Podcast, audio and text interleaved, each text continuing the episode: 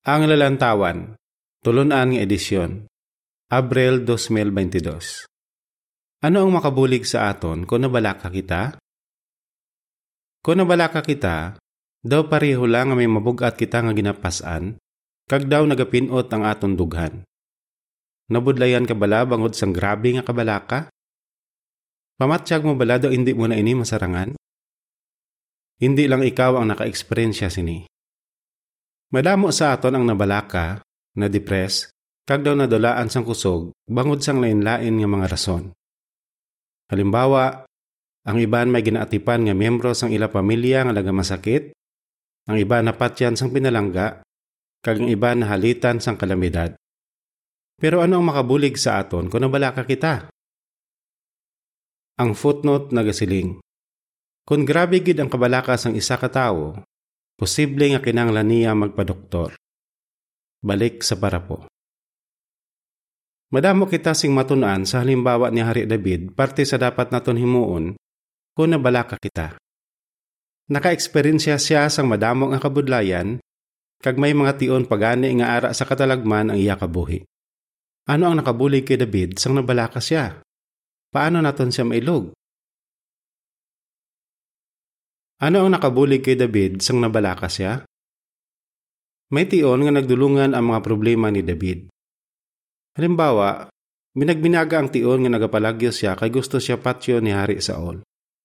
Pagbalik ni David kag sang iyang mga tinawo halin sa pagpakigaway, nakibot gid sila kay ginkuha sang ilang mga kaaway ang ilang mga pagkabutang, ginsunog ang ilang mga balay, kag ginbihag ang ilang mga pamilya. Ano ang nabatsaga ni David? Naghibi sing mabaskog si David kag ang iyang mga tinawo, tub-tub wala na sila sing ihibi. Nadugangan pagid ang kabalaki ni David kay nagsiling ang ginasaligan niya nga mga tinawo nga batuhon nila siya. Unang Samuel 30, 1 hasta 6. Tatlo ang problema ni David. Ara sa katalagman ang iya pamilya, gusto siya patyon sang iya mga tinawo, kag ginalaga siya ni Hari Saul. Gani posible nga grabe gid ang kabalaka ni David. Ano ang ginhimo ni David? Ginpabakod niya dayon ang iya kaugalingon paagi sa bulig ni Jehova nga iya Dios. Paano ini nahimo ni David? Kabalo kita nga permi nagapangamuyo si David kay Jehova para mangayo sang bulig, kag ginapamalandungan niya kung paano siya ginbuligan ni Jehova sang una. Kabalo si David nga kinahanglan niya ang bulig ni Jehova, Gani ginpamangkot niya si Jehova kung ano ang dapat niya himuon. Pagkabato ni David sang instruksyon ni Jehova, gintuman niya inidayon. Gani ginpakamaayo ni Jehova si David kag ang iya mga tinawo. Naluwas nila ang ilang mga pamilya kag nabawi nila ang ilang mga pagkabutang. Natalapangdan mo bala kung ano ang ginhimo ni David? Tatlo ang iya ginhimo nangamuyo siya kay Jehova nga buligan siya, ginpamalandungan niya kung paano siya ginbuligan ni Jehova sang una, kagintuman niya ang instruksyon ni Jehova. Paano naton mailog si David? Binagbinago naton ang tatlo kapaagi. Iluga si David kung nabalaka ka. Una, mga muyo.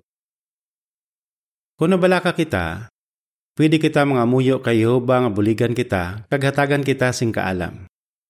Kung isugid naton sa iya ang tanan naton nga ginakabalakan, makabulig ini sa aton nga magtawhay ang aton hunahuna. Pwede man kita makapangamuyo sing hipos kag sing malipot, kung amo lang ina ang aton mahimo sa isa ka sitwasyon. Sa kada tion nga nagapangayo kita sang bulig kay Jehova, ginapakita naton nga nagasalig kita sa iya pariho kay David. Nagsiling si David, Si Jehova amo ang akon dako nga bato kag ang akon kuta kag ang akon manuluwas. Ang akon Dios amo ang akon igang nga akon dalangpan. Salmo 18:2 Epektibo gid man bala ang pangamuyo? Ang isa ka sister nga pioneer nga si Kalia nagsiling. Pagkatapos ko mga muyo, nagatawhay ang akon hunahuna. Ginabuligan ako sang pangamuyo nga ilugon ang pangunauna ni Jehova kag mas magsalig sa iya. Gani, ang pangamuyo isa ka regalo ni Jehova nga makabuligid sa aton kung nabalaka kita. Ikaduha, magpamalandong. Huna-hunaa ang mga tion nga nasarangan mo ang imo problema bangod ginbuligan ka ni Jehova. Kung pamalandungan naton kung paano kita ginbuligan ni Jehova kag ang iya mga alagad sang una, nagaligon kita kag mas nagasalig kita sa iya. Mayara ako listahan sang akon mga pangamuyo agin sabat ni Jehova, siling sanggula nga si Joshua. Nakabulig ini sa akon nga madumduman ang mga tion na ginhatag ni Jehova kung ano ang akon ginpangabay. Kung pamalandungan naton kung paano kita ginbuligan ni Jehova sang una, mapaligon kita sini nga mangin mabakod kung nabalaka kita. Ikatlo, magtuman. Antes kita magdesisyon kung ano ang dapat naton himuon sa isa ka sitwasyon, dapat kita magpagiya sa pulong sang Dios nga amo ang makahatag sang pinakamasaligan nga laygay.